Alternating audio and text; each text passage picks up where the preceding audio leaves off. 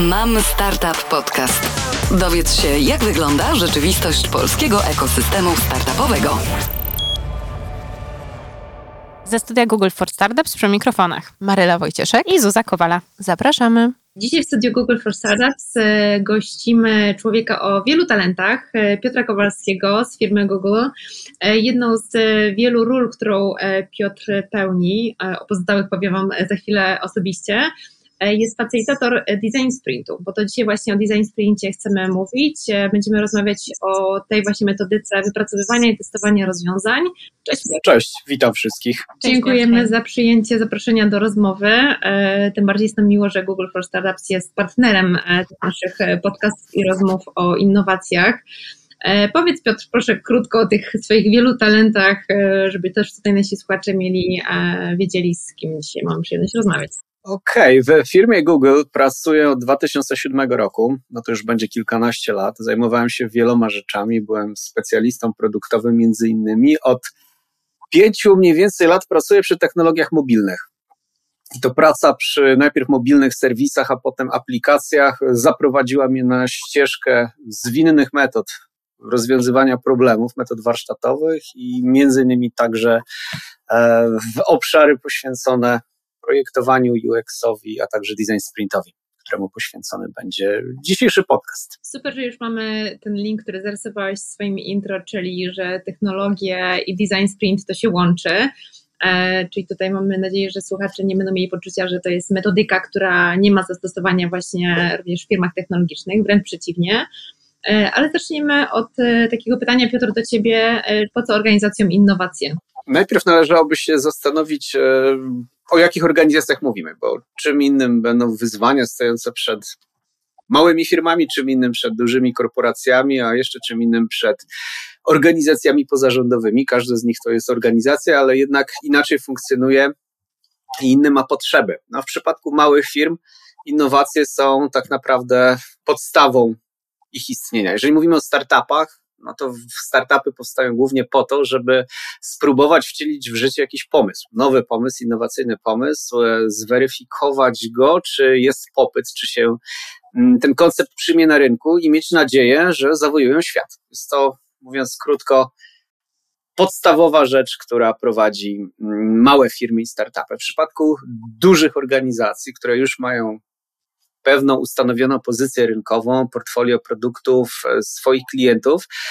Mm, innowacje są potrzebne po to, żeby konkurować również z innymi dużymi firmami, mm, gdzie ścierają się te firmy na rynkach o klienta, także po to, żeby odkrywać potrzeby klientów, ale również rywalizować z tymi mniejszymi firmami, z challengerami, którzy mają coś do powiedzenia na rynku. Tak więc to jako mechanizm e, konkurencji innowacje jak najbardziej się sprawdzają. Co do organizacji pozarządowych, mm, tutaj bardzo często mamy do czynienia z małymi budżetami czy środkami finansowymi. Trzeba być bardzo często kreatywnym, wymyślać nowe sposoby na realizację swoich celów, nowe sposoby dotarcia do ludzi, nowe sposoby dotarcia e, do funduszy, do decydentów, do pokazania się, więc na pewno w sektorze NGO-sów też innowacje mm, się przydają. Mam nadzieję, że odpowiedziałem mniej więcej na to krótkie pytanie dość długo. Słuchaj, tutaj nie ma złych odpowiedzi. E, ty zawsze ciekawy, na jakie wątki e, nasi rozmówcy wchodzą, jak bardzo one są zróżnicowane. Więc e, super, ty zahaczyłeś o całe spektrum typów organizacji i zaznaczyłeś to bardzo ważne, że innowacje są dla wszystkich, tak? To nie jest tak, że są tylko zarezerwowane dla gigantów albo tylko dla startupów, tylko wszyscy łącznie z właśnie organizacjami pozarządowymi mogą z tego korzystać. No właśnie, a w sumie tak jak teraz Maryla powiedziałaś, że innowacje są dla wszystkich, to możemy przejść, e, czy design sprint jest dla wszystkich, czym ten design sprint jest tak naprawdę i jak on się łączy z tymi innowacjami, co tutaj jest wspólnego? Z innowacjami jest e, taki problem, że często w głowie innowatora pomysł na te innowacje jest czymś znakomitym, co Mm, na pewno się sprzeda, czy zostanie dobrze przyjęte przez rynek, czy będzie skuteczne w rozwiązaniu jakiegoś problemu. No ale przychodzi moment weryfikacji, starcia realizacji tego konceptu z rynkiem, z właściwym problemem, z klientami. I bardzo często okazuje się, że coś, co było super pomysłem i twórca tego pomysłu był bardzo przekonany, że się uda, w 8 na 10 przypadków się nie udaje, bo chyba takie są statystyki dotyczące startupów. Dobrze pamiętam? Pewnie więcej wiecie niż ja, jak to wygląda. Success rate w przypadku małych firm. Brak dopasowania rozwiązań do potrzeb użytkowników to jest bodajże druga, y, druga z kolejności przyczyna upadku startupów, tak? Poza pierwszą, którą jest brak finansowania. No i zabrzmiało to tak dosyć groźnie, upadki startupów, no ale z tym trzeba się liczyć. To twórcy, założyciele małych firm wiedzą, że gdzieś jest takie ryzyko niedopasowania konceptu, jego realizacji do faktycznych potrzeb użytkowników. I tu właśnie pojawia się design sprint jako metoda szybkiego i mało kosztownego sprawdzenia naszego pomysłu, czy próby jego, próby realizacji, weryfikacji tegoż z potencjalnymi klientami. Tak, i tu chyba warto zaznaczyć, że to nie tylko metoda dedykowana startupom, tylko wszystkim zespołom, również w dużych organizacjach, które mają świetny pomysł, e, świetny ich zdaniem pomysł, który warto wcześniej zweryfikować, zanim się już e, wyda jakieś pieniądze i poświęci czas, zbuduje zespoły, żeby je zrealizować, prawda? Absolutnie się zgodzę. Mówiąc o szczegółach, no design sprint jest metodą, metodą warsztatową, rozpisaną na konkretne kroki, e, gdzie w kanonicznej postaci ma on 5 dni, gdzie praktycznie podczas każdego z tych pięciu dni stworzona ekipa z pracowników firmy, starannie dobrana, stara się, idąc według określonej procedury, przetworzyć wyzwanie, które stawia się przed, przed nimi, w konkretny produkt czy usługę, w zasadzie prototyp produktu czy usługi, który testuje się na realnych użytkownikach. To tak w największym, największym skrócie, jak to wygląda. Pięć dni wydaje się to niewiele, ale wierzcie mi, że to jest dużo czasu i i duży wysiłek dla zespołu. Jeszcze zanim będę mówić o sprintach, to może o samym wyzwaniu, bo zanim się zasiądzie przy stole z innymi współsprintowiczami, jeżeli tak mogę nazwać, to trzeba sobie zdefiniować tak naprawdę wyzwanie, przed którym chcemy stanąć. I to w zależności od tego, czym jesteśmy małą firmą, czy jesteśmy średnią, dużą, albo też jakąś organizacją pozarządową, te nasze wyzwania będą inne. W przypadku e, startupu wyzwaniem może być próba zmaterializowania konceptu w usługę. W przypadku dużej firmy ten sprint może mieć na celu odświeżenie chociażby jakiegoś produktu czy usługi. Czyli mamy coś, co przestało pasować do rynku. No właśnie, tu jeszcze warto powiedzieć może, cofnąć się trochę do pierwszego pytania, bo pytanie było o innowacjach. Po co są innowacje? Ale też są one też po to, żeby się dopasować do zmieniającego się rynku. Ja to na własnej skórze zauważyłem, tak wspomniałem, w firmie Google pracuję przy technologiach mobilnych. Mniej więcej 5-6 lat temu zaczęliśmy się mocno przyglądać temu, jak użytkownicy korzystają z komputerów i telefonów. Taki ciekawy fakt. W 2018 roku po raz pierwszy w Polsce użytkownicy zadali więcej pytań do wyszukiwarki Google ze smartfonów niż desktopów. To był taki bardzo istotny moment, w którym okazało się, że Polacy korzystają z technologii informatycznych już nie przy takim dużym, ciężkim komputerze, przy którym ja teraz siedzę, tylko z małych urządzeń. I dużo firm nie było tego jeszcze świadoma. Nie było świadoma tego, że się zmienił konsument, zmieniły się warunki zewnętrzne i te firmy kontynuowały swoje stare podejście, nie stosując rozmaitych innowacji, na swoich witrynach czy w aplikacjach, które dopasowane by były do tych użytkowników i do ich potrzeb. W przypadku akurat technologii mobilnych zmienia się to, że użytkownik mobilny jest zdekoncentrowany często. Bierze ten telefon i jedzie tramwajem, metrem, czy siedzi w poczekalni u dentysty, ma mały ekran, na którym tych treści możemy mu mało pokazać. Palce użytkownika mobilnego są niedokładne. Każdy, kto szybko próbował wpisać hasło na smartfonie, wie, jak często można się pomylić. I rozwiązania, które w tym czasie były na polskich witrynach, były niedopasowane. Mm, małe pola formularzy, małe przyciski, niewykorzystanie wszystkich możliwości, jakie daje operowanie gestami na ekranie, to była przestrzeń do zastanowienia się, czy my tu przypadkiem nie potrzebujemy jakiejś innowacji, do poprawienia tego, co my mamy i dopasowania się do użytkowników. I ja pracowałem akurat wtedy z dużymi firmami, które po pierwsze uświadomiły sobie ważkość problemu, tego, że ich klienci już nie siedzą głównie przy komputerach w zaciszu domu, tylko przy małych urządzeniach i kupują od nich czy przez mobilną stronę, czy przez aplikację. W związku z czym wymagane jest przyjrzenie się tematowi, wyzwaniu, można by powiedzieć, i generowanie rozwiązań. W trakcie sprintów z tymi firmami testowaliśmy różne rozwiązania nakierowane właśnie na użytkowników smartfonów. I tak to się w moim przypadku akurat zaczęło. Od sprintów poświęconych małym ekranom smartfonów, gdzie wyzwaniem było, jak dopasować nasz produkt czy usługę do użytkownika mobilnego, poprzez na przykład sprinty, które robiliśmy z Google for Startups e, w zakresie mm, no, ich, nazwijmy to, problemów. Wracamy do, mm, do design sprintu jako metody weryfikacji tego, czy nasz pomysł, e, innowacja ma szansę przyjęcia na rynku, jak to widzą użytkownicy z grubsza. No właśnie, tutaj tak naprawdę jeden z autorów tej metody, czyli e, Jake Knapp, jak się czyta tytuł jego książki, nie wiem, czy się ze mną zgodzicie, e, Piotr i Zuza, ale How to Solve Big Problems and Test New Idea in Just Five Days, no to brzmi po prostu jak no, świetna recepta i świetne rozwiązanie dla wielu firm, ten przykład, Piotr, który podałeś, czyli e, ta zmiana preferencji użytkowników, chociażby właśnie z używania, zmiana intensywności w używaniu desktopów versus urządzenia mobilne, i to jak, jak duże zmiany to wymusiło też na wielu organizacjach. Tylko mi się jeden z e, przykładów na to, w ilu przestrzeniach tak naprawdę duże firmy muszą e, w trybie ciągłym tak naprawdę dostosowywać się do tych zmieniających się preferencji użytkowników, czy zmieniających się nie wiem, stosowaniach technologii czy modeli działania. E, czyli jak ten design sprint tak naprawdę tutaj przychodzi z pomocą? Jak, jak to wygląda i na czym polega? Od samego początku, jak wspomniałem, e, pierwszą rzeczą jest zdefiniowanie wyzwania. Te wyzwania mogą być e, różne w zależności od tego, jaką jesteśmy organizacją. Jak powiedziałem, dla małej firmy wyzwaniem może być wymyślenie konkretnego rozwiązania dla konkretnego problemu. Czyli mając to wyzwanie zdefiniowane, tak naprawdę zbieramy ekipę projektową i na pięć dni zamykamy się w jakiejś przestrzeni, gdzie nie będzie rozpraszaczy, gdzie mhm. będziemy się wysypiać, dobrze jeść, bo takie aspekty też są akcentowane tak naprawdę przez twórców tej metody i opowiedz proszę, e, no jakie etapy się wyróżnia wtedy już w pracy przez te pięć dni, e, jak to wygląda? Mhm.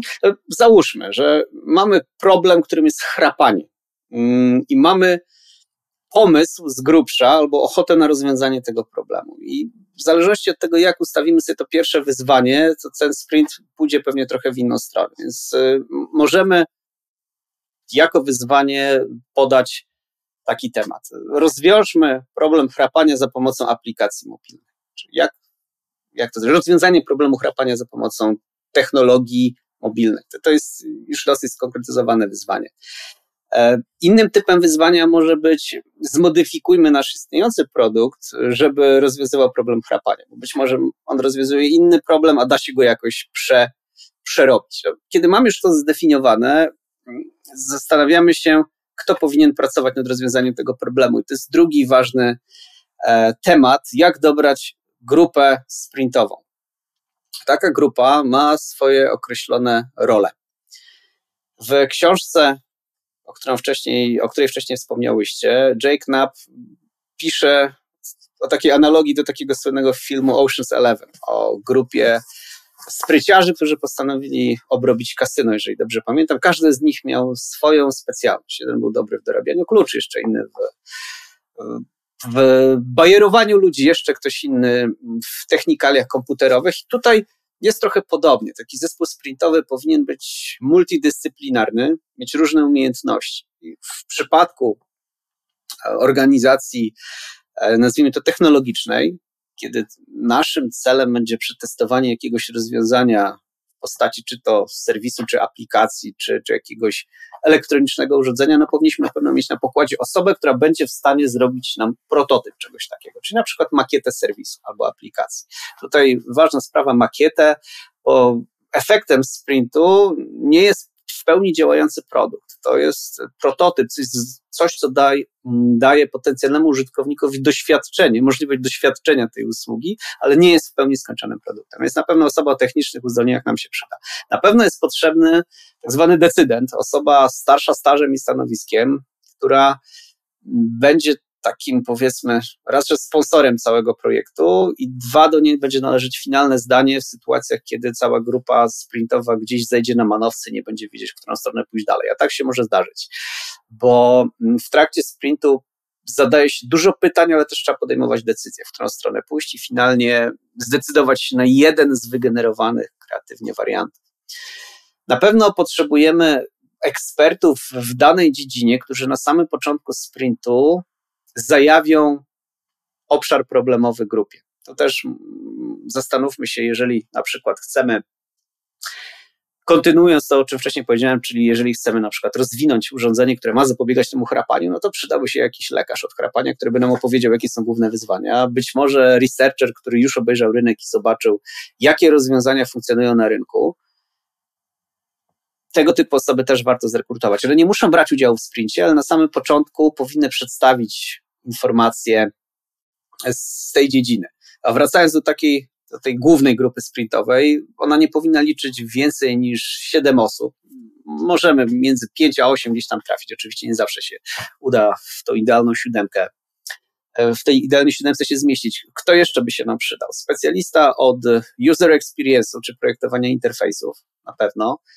Jeżeli chcemy mieć pomysł na, na wyjście na rynek, na pewno ktoś, kto ma doświadczenie sprzedażowe czy marketingowe. Taka multidyscyplinarna grupa, która potrafi się wzajemnie uzupełniać i korzystać ze swoich umiejętności, e, będzie znacznie sprawniej funkcjonować niż grupa homogeniczna, na przykład złożona z samych inżynierów czy z samych specjalistów do marketingu. To jest jeden z sekretów sprintu. Czyli jak już mamy to naszą, nasz dream team siedmioosobowy, Mamy zdefiniowane wyzwanie, mamy ekspertów w dziedzinie z, również zidentyfikowanych, którzy mogą nam pomóc zrozumieć problem, możemy umówić się na sprint. I tutaj umówienie się jest rzeczą kluczową. Jak się umawiamy na kilkudniowy warsztat, to wypada dotrzymać słowa i być na tym warsztacie od początku do końca. Nie wszystkie osoby muszą być od początku do końca, ale zobowiązanie jest dość istotną rzeczą. Warto potraktować to poważnie, bo bywa tak, że grupa ma energię przez pierwszy dzień, po pierwszym dniu okazuje się, że wcale nie jest łatwo, w drugiego dnia przychodzi może dwie trzecie składu, trzeciego jedna trzecia,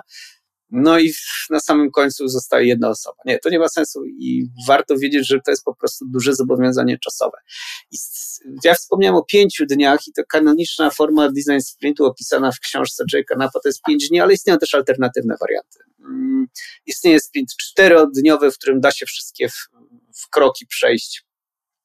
W cztery dni po prostu pakuje się pewne ćwiczenia y, i, i rozdziela pomiędzy, pomiędzy dwa dni, rezygnując z jednego. Można zrobić wierzcie mi, sprint trzydniowy, dwudniowy, jednodniowy. Oczywiście to, co wyjdzie na końcu tego procesu, będzie się pewnie różnić. W przypadku jednodniowego sprintu trudno będzie zbudować prototyp jakiejś usługi czy produktu w takiej wersji, nazwijmy to high fidelity, czyli coś, co rzeczywiście wygląda jak rozwiązanie e, prawie że gotowe do, do, do uruchomienia. To może być na przykład papierowy prototyp jakiegoś rozwiązania, ale to też pomaga, to też pomaga w test, teście własnej koncepcji. Tak jak wspomniałem, dzięki Design Sprintowi zamiast inwestować bardzo dużą ilość pieniędzy w, roz, w realizację koncepcji, co do której nie mamy pewności, czy przyjmie jej rynek, czy potencjalny klient, możemy na skróty w przeciągu pięciu dni zrobić coś, co jest prototypem czy zajawką naszego rozwiązania, zaprezentować to kilku osobom i dokładnie przeanalizować ich feedback, ich reakcje, ich zachowanie, interakcje z naszym rozwiązaniem, dzięki czemu jesteśmy w stanie podjąć trzy decyzje, trzy typy decyzji. Pierwsza, jeżeli e, potencjalni testerzy zachwycają się na naszym rozwiązaniu i widzimy, że rzeczywiście to jest dobry kierunek, no to idziemy dalej. Bierzemy ten kredyt, o którym wspomniałem, na 20 milionów i robimy product development. Drugi scenariusz to jest taki, że widzimy, że ogólny kierunek jest dobry, no ale są istotne zastrzeżenia.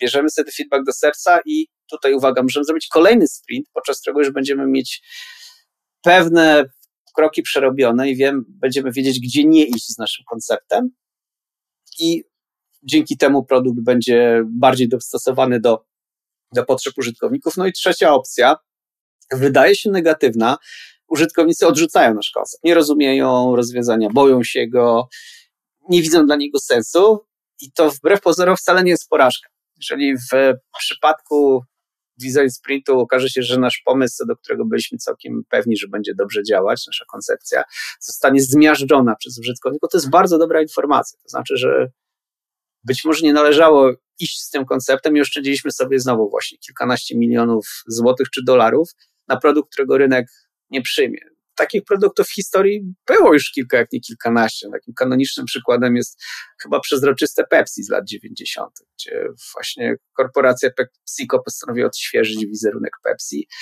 i wypuściła Pepsi, które chyba miało kolor wody, jeżeli dobrze pamiętam. Smakowało jak Pepsi, pachniało jak Pepsi, ale miało kolor wody. No nie przyjęło się, ale wtedy jeszcze metody design sprint nie było. Być może wystarczyło przyrządzić parę szklanek, dać ludziom spróbować mm, i może by się okazało, że nie trzeba tego produktu rozwijać. To tylko takie gdybanie. Wcześniej wspomniałeś o e, długości trwania e, design sprintu, że mo, mo, może być to pełen cykl pięciodniowy, czterodniowy albo e, może trwać jeden dzień.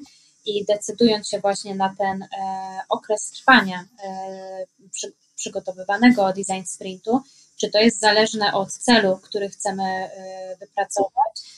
Słuchają nas różne osoby, różni praktycy. Czy możesz jakby tutaj też jakoś właśnie naprowadzić, dla kogo jest dedykowany właśnie jednodniowy design sprint albo pięciodniowy? Właśnie, to jest bardzo dobre pytanie. W przypadku pięciodniowego cyklu czy całej procedury, to jesteśmy w stanie opracować bardzo, nazwijmy to, całościowo dany produkt czy usługę. Opracować na przykład aplikację od momentu onboardingu do momentu realizacji jakiejś akcji wewnątrz tej aplikacji i zrobić też prototyp w wersji high fidelity, czyli coś, co na przykład na tablecie czy na telefonie rzeczywiście zachowuje się jak, jak finalne rozwiązanie. W przypadku, i to jest odpowiedź, czy rozwiązanie jakiegoś bardziej dużego problemu biznesowego. Możemy zastosować Design Sprint do takich ad hocowych projektów, typu mamy usługę, która wydaje nam się przestarzała i chcemy ją zmodernizować, tylko nie wiemy, w którą stronę pójść. I taki dwudniowy sprint pozwoli nam na poprawienie tylko jakiegoś kawałka podróży użytkownika w naszym systemie. E, możemy zastosować jednodniowy sprint, czy też warsztat typu sprint, gdzie po prostu tylko z grubsza zmurzymy się, wy, wygenerujemy ileś propozycji, wybierzemy najlepsze z nich i zbudujemy prototyp wersji low fidelity, czyli na przykład z kilku kartoników, które emulują nasz interfejs i poddamy to, mm, poddamy to weryfikacji czy w ogóle ten sposób podejścia do rozwiązania problemu e, ma sens. To, to, to jest jedna z, to jest kilka możliwych e, zastosowań różnej długości sprintu. To w zależności od tego, jak duże jest nasze wyzwanie, ale także od tego, co spodziewamy się na wyjściu dostaw. Czy my chcemy mieć coś, co rzeczywiście wygląda jak już prawdziwe rozwiązanie, czy coś, co jest tylko jakąś aproksymacją, przybliżeniem naszego rozwiązania. A powiedzmy, bo 5 dni to jest z jednej strony no, bardzo mało jak na sprawdzenie jakiejś hipotezy czy zweryfikowanie pomysłu, ale z drugiej strony wycięcie się na pełne 5 dni wiemy, że dla wielu osób i organizacji jest postrzegane jako coś niemożliwego do zrealizowania. To jest cały tydzień pracy, podczas którego e, trzeba się poświęcić właśnie temu sprintowi. I powiedz, czy e, praktyczne jest i czy możliwe i czy sensowne jest przyjęcie takich wariantów, że rozłożymy sobie te 5 dni na przykład na 5 tygodni albo na 2,5 tygodnia i te poszczególne etapy będą realizowane właśnie w jakichś dłuższych odstępach czasu niż to by było w tej takiej tej kanonicznej, jak to mówisz, formie, czyli tej stworzonej przez właśnie Jake'a Knapa. Powiem tak, da się, ale efekty mogą być dalekie od oczekiwań. To trochę tak jakby mm, smażenie naleśników, które powinno się odbywać w jakiejś sekwencji, dzielić sobie na konkretne dni. To znaczy pierwszego dnia przygotować ciasto, to ciasto stoi cały dzień, następnego dnia wlać to ciasto na patelnię, smażyć cały dzień, potem trzeciego dnia to ciasto sobie stygnie, a czwartego dnia to jemy. Efekt będzie jaki taki, tak, tak powiem. My dzisiaj Jezus rozmawialiśmy i o cukrze, i o mierzeniu, i o naleśnikach, i ty teraz o tym wszystkim mówisz, więc po prostu... Ja już to może dlatego, że moja córka w pokoju w kuchni obok smaży naleśniki. I może dlatego taka metafora mi przyszła do głowy. Nie wiem, czy to dobra metafora. E, jeżeli pracuje się z grupą kilku osób w ciągu pięciu dni i każdego dnia spędza się pomiędzy, nie wiem, sześcioma, ośmioma godzinami w jednym pomieszczeniu, to tworzy się swoisty mikroklimat, chemia w tym zespole. I ten zespół bardzo się integruje. Ciężko to tak określić jednym słowem. Jest to aura kreatywności, aura wynalazczości, innowacyjności. Za każdym razem, jak się wchodzi do takiej grupy sprintowej, to widać. No, może przesadzę, ale w powietrzu czuć elektryczność. Zwłaszcza w tej fazie e, trzeciej, czwartej, między trzecim i czwartym dniem, kiedy jesteśmy już bliscy stworzenia prototypu, naprawdę dzieją się rzeczy, o które członkowie takiego zespołu nie podejrzewaliby się pierwszego dnia, kiedy, kiedy to wprowadzamy się dopiero do tematu. O tym, co się robi w poszczególnych krokach, ja jeszcze opowiem za chwilę. Tak więc spakowanie tych ćwiczeń e, czy rozmaitych metod sprintowych w takiej, a nie innej sekwencji i w takiej, a nie innej ilości dni jest celowe, ponieważ suma tych elementów, które są uczestnicy, plus presja czasowa, bo warto dodać, że ćwiczenia w design sprincie wykonuje się pod presją czasową. Na każde ćwiczenie jest określona ilość czasu, od 10 minut do 40 minut do godziny, w zależności od tego, jak, jaki harmonogram sobie przyjmiemy. To powoduje, że tam jest niesamowita energia. To trzeba po prostu doświadczyć. Ciebie właśnie o tą niesamowitą energię, e, o tą presję czasu mi się tutaj pojawia pytanie, ale chyba zanim je zadam, e, fajnie by było wrócić do tych poszczególnych e, etapów, elementów design sprintu, zanim padnie to moje pytanie, bo może będzie po prostu za bardzo wyprzedzające. Więc nie wiem, może to jest ten moment, żebyśmy przeszli do tych poszczególnych kroków design sprintu, a ja sobie zakolejkuję moje pytanie o presję czasu na, na później. Pewnie. Mhm. Pewnie, no więc e, z grubsza. Mm, na takim najbardziej ogólnym poziomie to w trakcie design sprintu przechodzimy przez fazy polegające na zmiany, na analitycznym podejściu do tematu, potem na twórczym odpowiedzeniu na, na, na wyzwanie czy na problem, wygenerowaniu dużej ilości rozwiązań, potem znowu analitycznym podejściu do tych rozwiązań i eliminacji najsłabszych, wybrania najlepszych, potem znowu rozwinięcia tych koncepcji, wybrania na kolejnym etapie znowu najlepszej koncepcji i jej realizacji, a potem poddanie testom i znowu analityczne podejście, czyli przetestowanie, przeanalizowanie tego, co użytkownicy potencjalni mają do powiedzenia o naszym produkcie. I to się odbywa w przeciągu tych pięciu dni. Pierwszy dzień jest poświęcony zrozumieniu. Mm, pierwszego dnia zapraszamy ekspertów, ale też y, członkowie zespołu sprintowego e, jak najbardziej są mile widziani do tak zwanych lightning talków. Lightning talk to jest krótki, treściwy wykład e, dotyczący jednego z aspektów naszego wyzwania. Jeżeli mówiliśmy tutaj o, mm, o na przykład aplikacjach rozwiązujących jakiś problem użytkowników, to w tym obszarze problemowym się e, poruszaliśmy. Poruszamy. Ja wspomniałem chyba o chrapaniu e, jako je, jednym z wyzwań. Gdybyśmy chcieli wymyśleć rozwiązanie technologiczne, które ma rozwiązać problem chrapania, tak jak wspomniałem, warto będzie zaprosić pierwszego dnia lekarza, który się tym zajmuje, eksperta w danej dziedzinie, który w krótki, kilku, kilkunastominutowym wykładzie opowie nam o najważniejszych zagadnieniach, o, o najważniejszych aspektach tego problemu.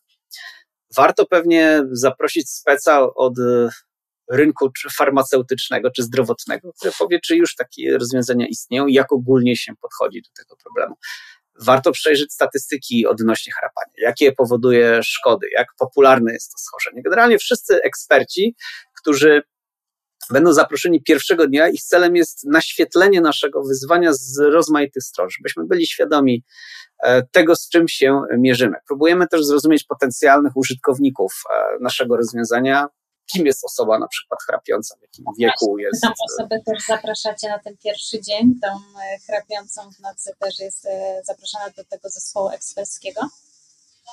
Wiesz co, wywiady z potencjalnymi użytkownikami jak najbardziej tak. E, jeżeli nawet one wcześniej zostaną zrobione i pokazane w formie jakiegoś skompresowanego nagrania, to może być szybciej, no bo tutaj nie ma czasu na, na godzinne zadawanie pytań, to tutaj warto się przygotować wcześniej. To znowu faza przygotowań.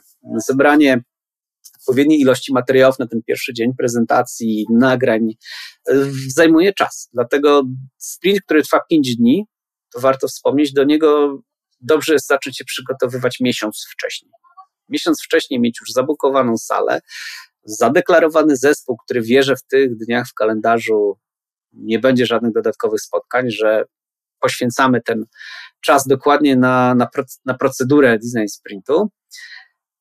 Przygotowanie tych wszystkich materiałów, o których wspomniałem na pierwszy dzień, no i przygotowanie materiałów, które będą nam potrzebne później. Ja też o tym nie wspomniałem. Podczas sprintu tak naprawdę nie pracuje się z jakimiś bardzo wyrafinowanymi technologiami. Przez większość czasu pracujemy z kartkami papieru, postitami, flamastrami, ołówkami taśmoklejącą i tego typu rzeczami. Dopiero w, w kolejnych dniach kanonicznej wersji w dniu czwartym zajmujemy się właściwym budowaniem prototypu, to pewnie już przy wykorzystaniu jakichś rozwiązań technologicznych. Czyli nie trzeba się bać. Absolutnie. To, nad czym chcemy pracować, nie może być zbyt szczegółowe. Czyli po pierwszym dniu mamy już mniej więcej wiedzę odnośnie obszaru problemowego, w którym się poruszamy, i my możemy sobie cel naszego sprintu wyznaczyć. I tym celem może być na przykład rozwiązanie problemu chrapania poprzez stworzenie fizycznego urządzenia dla, dla, dla osób dotkniętych tym problemem. No i okej. Okay. Pierwszego dnia słuchamy ekspertów i sami też e, członkowie zespołu sprintowego w trakcie tych krótkich prezentacji naświetlają rozmaite aspekty e, wyzwania, nad którym się pracuje. Ale warto też wspomnieć, że w trakcie tych prezentacji e, grupa nie siedzi biernie, ta grupa notuje. Mm, notuje, ale w takim specjalnym formacie, czy za pomocą specjalnej metody. To się nazywa How Might We, czy z angielska jak moglibyśmy. Otóż, kiedy tylko coś w konkretnym Lightning Toku zwróci naszą uwagę, nie wiem, naprowadzi nas na może potencjalne rozwiązanie, to w tym momencie notujemy. Bierzemy jedną z karteczek post-it, których powinniśmy mieć bardzo duży zapas w różnych kolorach i zapisujemy sobie pytanie, zaczynając od z angielska how might we, po polsku to będzie jak moglibyśmy. Jest przykładowo, jeżeli e, ekspert w, w tej dziedzinie mówi nam, że rynek rozwiązań na chrapanie jest bardzo szeroki, od tabletek, płynów, e, żeli, poprzez aplikacje na smartfona i tak dalej.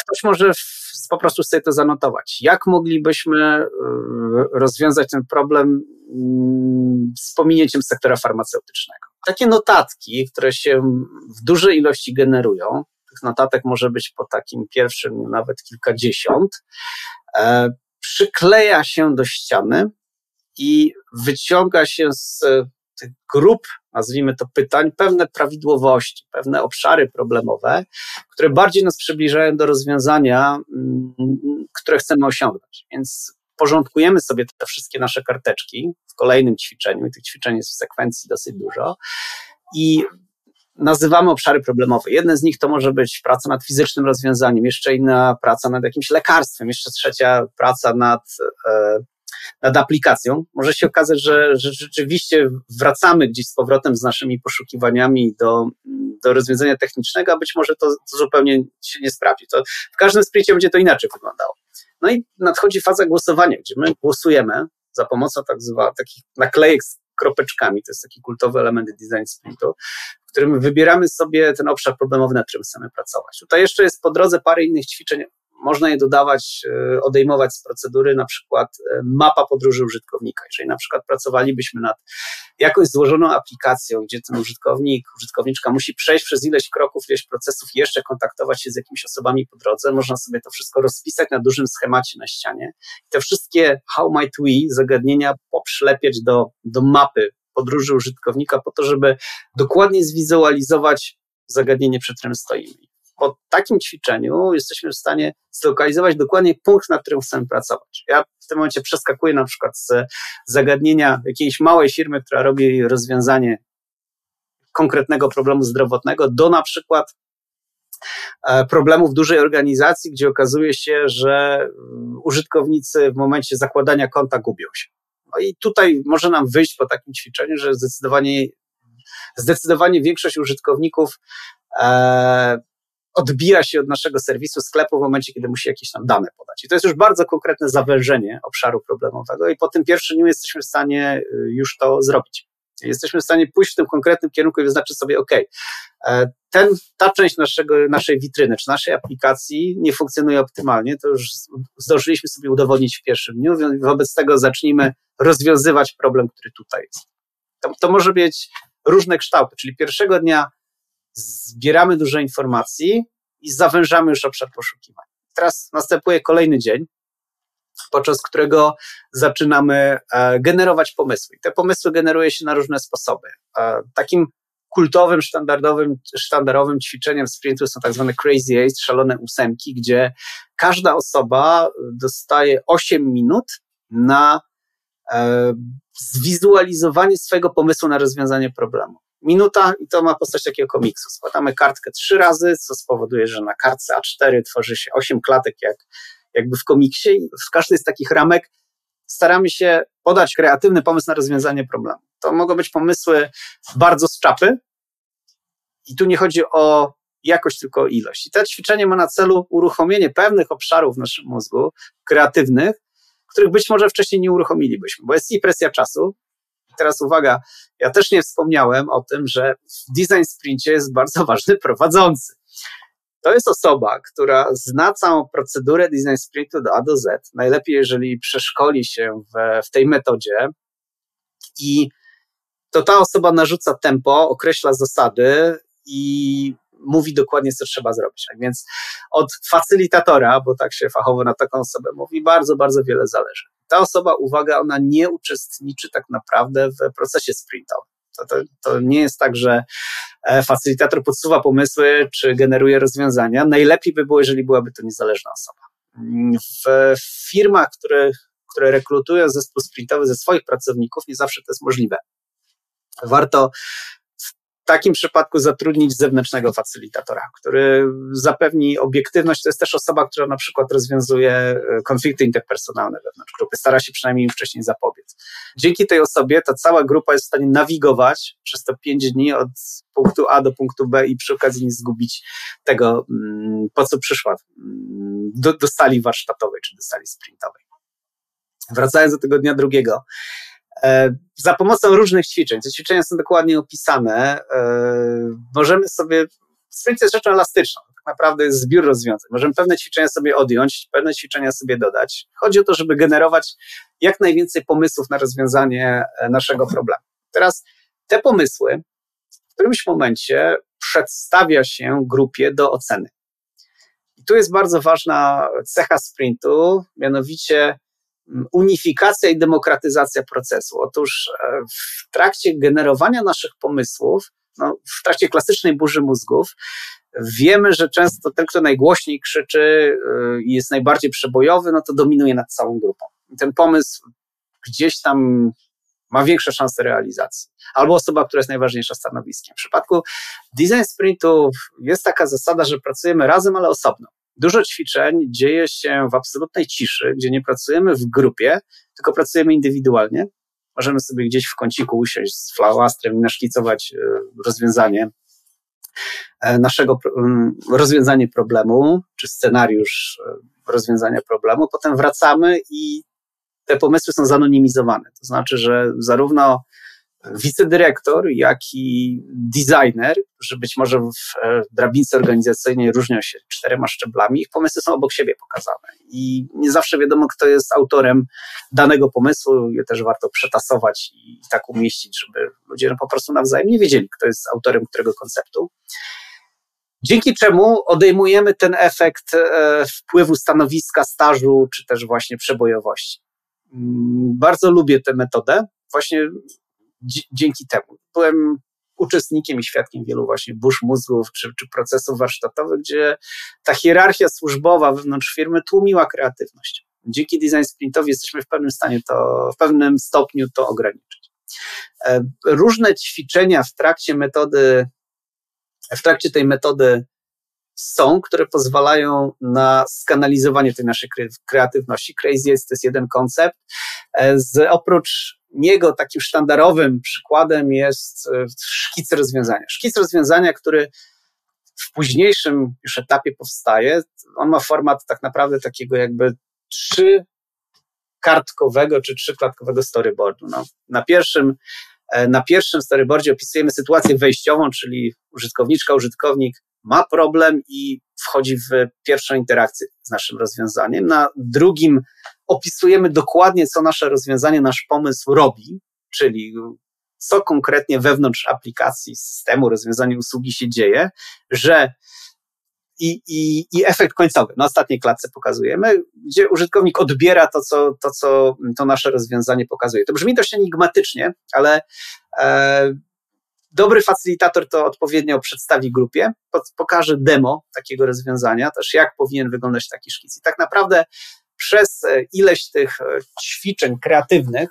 wykonywanych w określonej sekwencji, dochodzimy do takiego etapu, gdzie na ścianach, w, w pomieszczeniu warsztatowym pojawia się nam kilka, czasami nawet kilkanaście, jeżeli grupa jest bardzo kreatywna, konkretnych rozwiązań naszego problemu, gdzie pokazane, pokazana jest cała interakcja od początku wejścia, od, od wejścia użytkownika w pierwszą interakcję z naszym rozwiązaniem poprzez właściwe rozwiązanie i tego, co jest na samym końcu. I tutaj dochodzimy do kolejnego e, dnia, trzeciego dnia się e, zastanawiamy, w którą stronę idziemy i które z rozwiązań, że się tak wyrażę, przeznaczamy do dalszej realizacji. I tu znowu e, mamy takie ćwiczenie, ono jest nazywane często Louvre, mianowicie te obrazy przepraszam, szkice są rozwieszone na ścianie w galerii obrazów i uczestnicy grupy sprintowej patrzą na nie, zastanawiają się, czy to rozwiązanie ma szansę na realizację, czy nie i głosują. Znowu głosuje się poprzez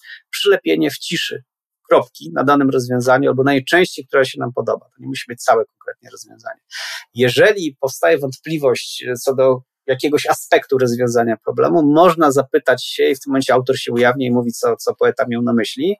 Zdarza się, że, że nie zawsze wszystkie szkice są tak zrobione, że, mm, że są zrozumiałe, ale to też rola facylitatora polega, żeby zachęcać ludzi do klarownego przedstawienia swoich koncepcji, żeby osoba trzecia była w stanie zrozumieć bez żadnych dodatkowych informacji, o co chodzi w naszym rozwiązaniu.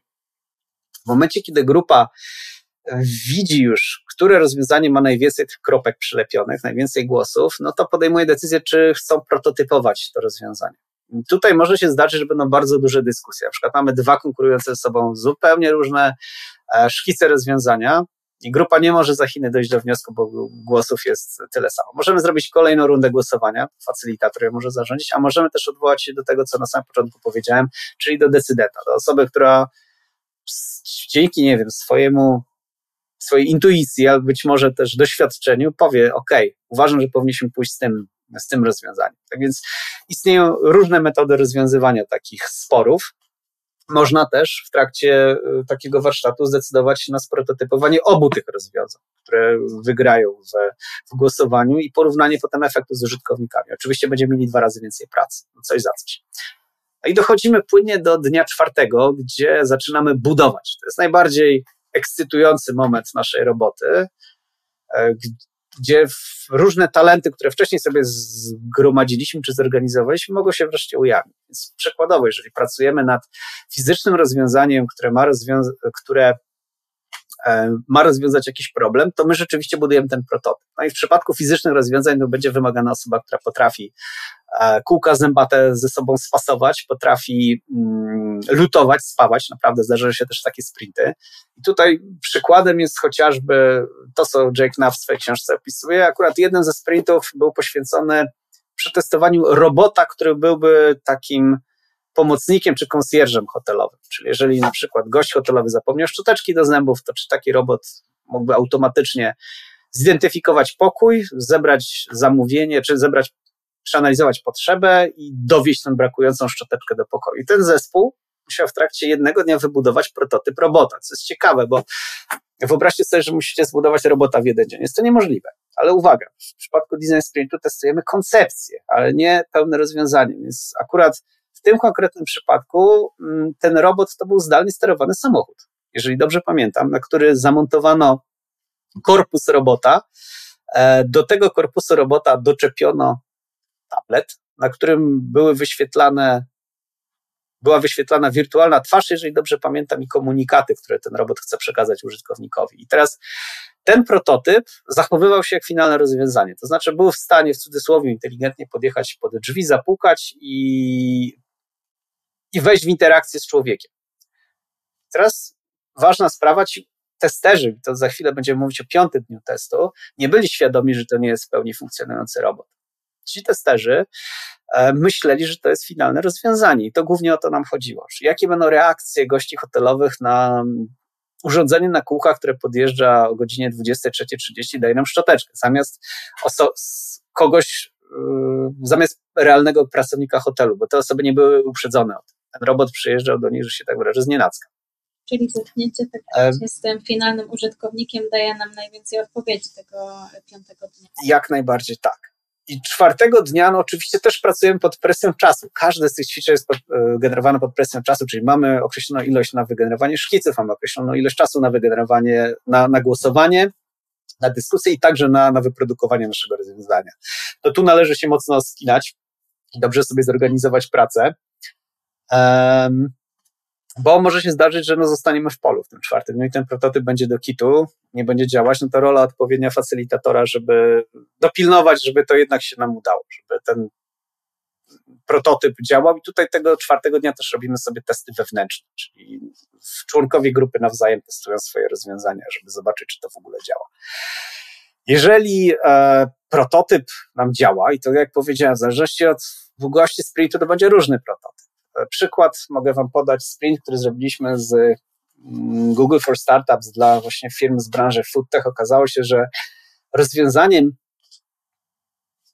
pomysłem na rozwiązanie e, wyzwania była inteligentna lodówka, która na podstawie informacji od użytkownika o stanie zdrowia, rozmaitych parametrach tej osoby zdrowotnych oraz na podstawie zawartości lodówki była w stanie zaproponować przepis na zdrowy posiłek. Co więcej, w trakcie generowania pomysłów i precyzowania wizji tego produktu jeszcze pojawiło się kilka nowych e, funkcjonalności, pomysłów na te funkcjonalności. Mianowicie ta lodówka miała sprawdzać, czy mm, jest właściwy stan magazynowy wewnątrz niej, czyli jeżeli na przykład brakuje jajek, to może je jeszcze domówić z jakiejś usługi szybkiego dowozu, żeby się te jajka znalazły w rozsądnym czasie wewnątrz lodówki, a co więcej jeszcze podświetlać lokalizację konkretnych składników produktu. No, takie funkcjonalności wymyślono.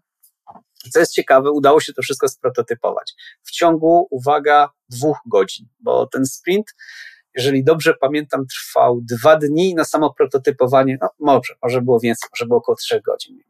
Powiem wam, jak to było zrobione. Otóż ta lodówka działała z interfejsem głosowym. Ona się miała porozumiewać głosowo z użytkownikiem, czyli mówić do użytkownika, ale także zamontowany na niej był interfejs dotykowy. Jak rozwiązaliśmy kwestię interfejsu dotykowego? Otóż poszczególne ekrany, e, rozwiązania, które miało naprowadzić użytkownika na, na właściwą potrawę, którą lodówka zarekomenduje, to były kartki A4 przytrzymywane w odpowiednim miejscu na tym froncie lodówki, która była na kampusie Google'owym już wcześniej, tylko została opróżniona z napojów i włożyliśmy do niej różne rzeczy.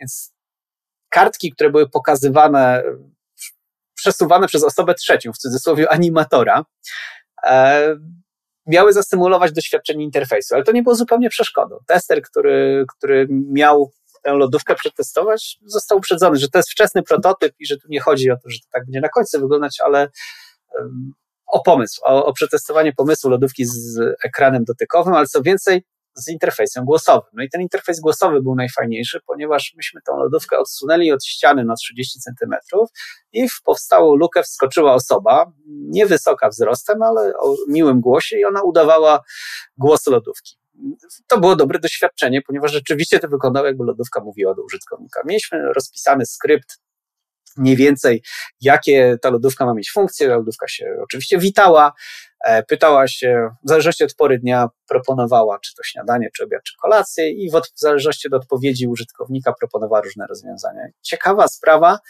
bo w przypadku tego konkretnego prototypu gadającej lodówki nie mieliśmy znowu dużo czasu, mieliśmy tylko dwóch testerów. Gdyby ich było więcej, to być może dotarlibyśmy do bardziej jednoznacznych wniosków. Pierwsza osoba była tym rozwiązaniem zachwycona, bo potem robiliśmy wywiad z tym testerem.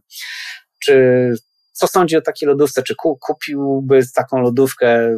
Co można ulepszyć, co można poprawić, a co się nie podobało. No i pierwsza osoba zdecydowanie powiedziała, że tak, to super lodówka, tym bardziej, że właśnie, jeszcze nie powiedziałem o jednej rzeczy. Ta lodówka w trakcie interakcji mm, podświetlała produkty, które się znajdują, są propozycją dobrego, zdrowego posiłku. Jak to zrobiliśmy? Z boku stała inna osoba, która miała w ręku latarkę.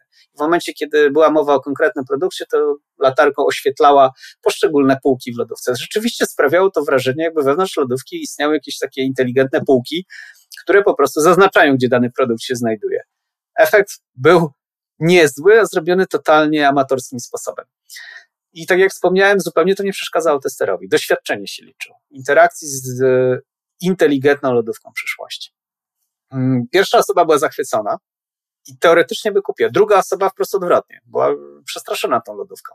W trakcie wywiadu wyszło chyba, że ta lodówka jest zbyt mądra, że ona wysyła za dużo danych, że jeszcze wydaje pieniądze, nie ma się nad tym kontroli. To był bardzo cenny feedback. W związku z czym tutaj mamy do czynienia z drugim scenariuszem. Pewnie należałoby się zastanowić nad konceptem, czy rzeczywiście wszystkie funkcjonalności są przydatne. E, I na pewno poszerzyć grupę testerów, bo może by się okazało, że na 10 przetestowanych osób to aż 7 nie lubiłoby tej lodówki. Wtedy no, mielibyśmy raczej weryfikację bardziej negatywną. Tak to wyglądało. Więc ja tutaj płynnie przeszedłem od etapu prototypu do etapu testu z użytkownikami, który również jest ekscytujący. Czwarty dzień to jest kreacja, praca warsztatowa, a piąty dzień to jest zderzenie tego z prawdziwym użytkownikiem i tutaj no nie zawsze, tak jak powiedziałem, oczekiwania z, spotykają się z tym, co rzeczywiście zobaczymy. Może się zdarzyć, że użytkownicy zmiażdżą naszą koncepcję i tutaj wrócę do innego sprintu, który dla pewnej firmy e-commerce'owej robiłem, gdzie wyszło nam, że użytkownicy nie rozumieją idei rozwiązania, którą wypracowaliśmy pieczołowicie w dwa dni. I tak naprawdę cały temat powinien albo wrócić jeszcze raz na deski projektowe, deski kreślarskie, albo powinno się zadbać o porządne wyjaśnienie, jak działa produkt, nie wiem, w trakcie kampanii reklamowej. To też był bardzo cenny wniosek. A powiedz proszę, bo to padło, a jest ważnym wątkiem, czy w takim razie ilu, ilu potencjalnych użytkowników powinno przetestować to rozwiązanie, które jest efektem sprintu? Oczywiście lepiej, im więcej, tym lepiej, ale w trakcie sprintu jesteśmy bardzo ograniczeni czasowo. Jest taka zasada w świadku UX-owym odnośnie badań jakościowych, że wystarczy pięciu użytkowników, żebyśmy zebrali 95, zidentyfikowali 95% problemów. Tak więc e, pięć osób wydaje się dobrą liczbą. Plus minus jedna oczywiście. Warto też mieć testerów w zapasie. I teraz właśnie odnośnie testerów. Jeżeli mamy taką możliwość, nie bierzmy do testowania naszego rozwiązania pracowników firmy. Postarajmy się znaleźć osoby z zewnątrz, które są potencjalnie zainteresowane naszym produktem, usługą, ale tak, żeby one nie miały wcześniejszej interakcji z, z czy, czy, czy wcześniejszego kontaktu z zespołem. To, to jest duży benefit. Nie powinniśmy testować tego na osobach, które mają już jakieś pojęcie o, o problemie, albo na przykład spotkały się już z, z takimi rozwiązaniami to dość istotne, czasami trudno to zrobić. Czasami warto jeszcze dodam, e, warto skorzystać z agencji na przykład, e, które są w stanie zrekrutować nam takie osoby. Tutaj też trzeba się dużo przyłożyć i to znowu mamy ten miesiąc przed testem, żeby sobie tych testerów już zabukować. To brzmi bardzo kompleksowo, w sensie całe to bogactwo ćwiczeń, o których powiedziałeś, e, ta intensywność interakcji zdecydowanie wybrzmiewa i to jest tylko pięć dni, a słychać, że bardzo dużo się dzieje. E, już wspomniałeś o wielu wyzwaniach, które się mogą pojawić w trakcie e, i powiedz może, proszę, bo też już padło, kiedy, kiedy ten design sprint jest dobrym e, pomysłem i dobrym procesem, który się sprawdzi, kiedy nie korzystać z design sprintu? Kiedy nie korzystać z design sprintu? Ha, to jest dobre pytanie, bo ja bym go stosował wszędzie, gdzie się da, ale nie zawsze się to da zrobić. W tematach, w których ciężko jest ustalić jednoznaczne wyzwanie. E, typu jak, jak możemy e, zwiększyć wyniki sprzedaży w przyszłym kwartale. Tutaj to wyzwanie jest bardzo ogólne. Istnieją metody, również pochodzące z Design Spiritu, gdzie rozbiera się takie wyzwanie biznesowe na kawałki. Bardzo podobną procedurę stosując, dochodzi się do planu, do planu e, działania. Natomiast no, tutaj Design Spirit jednak bardziej, jak sama nazwa wskazuje, fokusuje się na obszarze produktowym, rozwoju produktu, czyli tam, gdzie chcemy przetestować coś, co będzie wchodzić w interakcję z użytkownikiem, coś, co jest rozwiązaniem albo software'owym, albo fizycznym. Są metody ala Design Sprint, bazujące szeroko na tak zwanym design thinking. W ogóle sam design sprint nie wziął się z niczego, bazuje na koncepcji opracowanej jeszcze w latach 90. przez taką amerykańską firmę IDEO, które to było studio e, designu, gdzie oni autorsko doszli właśnie do, do tej metody, która na zmianę polegała na myśleniu analitycznym i, i, i na myśleniu kreatywnym gdzie w każdym kolejnym elemencie ich procedury się na zmianę generowało pomysły, wybierało najlepsze, rozwijało te najlepsze i znowu poddawało krytyce. Więc design sprint jest, nazwijmy to, dzieckiem e, czy, czy potomkiem tej pierwszej oryginalnej metody. ale ma, mamy tutaj do czynienia po pierwsze z kreatywnością i po drugie z, z czymś, co ma się spotkać z finalnym użytkownikiem w którymś momencie. Tak więc jakieś abstrakcyjne problemy, planowanie strategiczne, no niekoniecznie w design sprincie. Aczkolwiek istnieją odmiany sprintu, tak zwane vision sprinty, gdzie tylko tworzymy sobie wizję jakichś produktów. Efektem nie jest konkretny fizyczny prototyp, tylko wizja jakiejś klasy rozwiązań. To też jest osobne, osobna wersja, nazwijmy to design sprint. Oprócz tego, znaczy jest sobie książka, gdzie w pięciu dniach to opisujemy, ale tak naprawdę ta metoda już poszła w rynek, ona już niedługo będzie miała prawie 10 lat i te sprinty sobie wypączkowały w ileś rozmaitych wersji i wariantów. To też warto, warto być tego świadomym. Mhm, tak, czyli że ta, ta jedna wzorcowa to jest jakieś, jakaś baza, ale to też nie znaczy, że nie można mhm. właśnie jej um, na potrzeby własnej organizacji dostosowywać i modyfikować. E, powiedz Piotr, bo wiele dobrych praktyk już e, i takich istotnych aspektów wybrzmiało, czyli przede wszystkim takie no, porządne przygotowanie się do sprintu i to tak naprawdę z dużym wyprzedzeniem, bo tu wspominałeś o miesiącu, po drugie e, uważność przy wyborze zespołu, składu zespołu i zaproszeniu też ekspertów, którzy z odpowiednio szerokich, różnych perspektyw nakreślą problem, mhm. na którym się skupiamy. E, też wspominałeś o tym, jak istotna jest e, wytrwałość i obecność tak naprawdę całego zespołu przez cały proces, żeby on e, skutecznie przebiegał.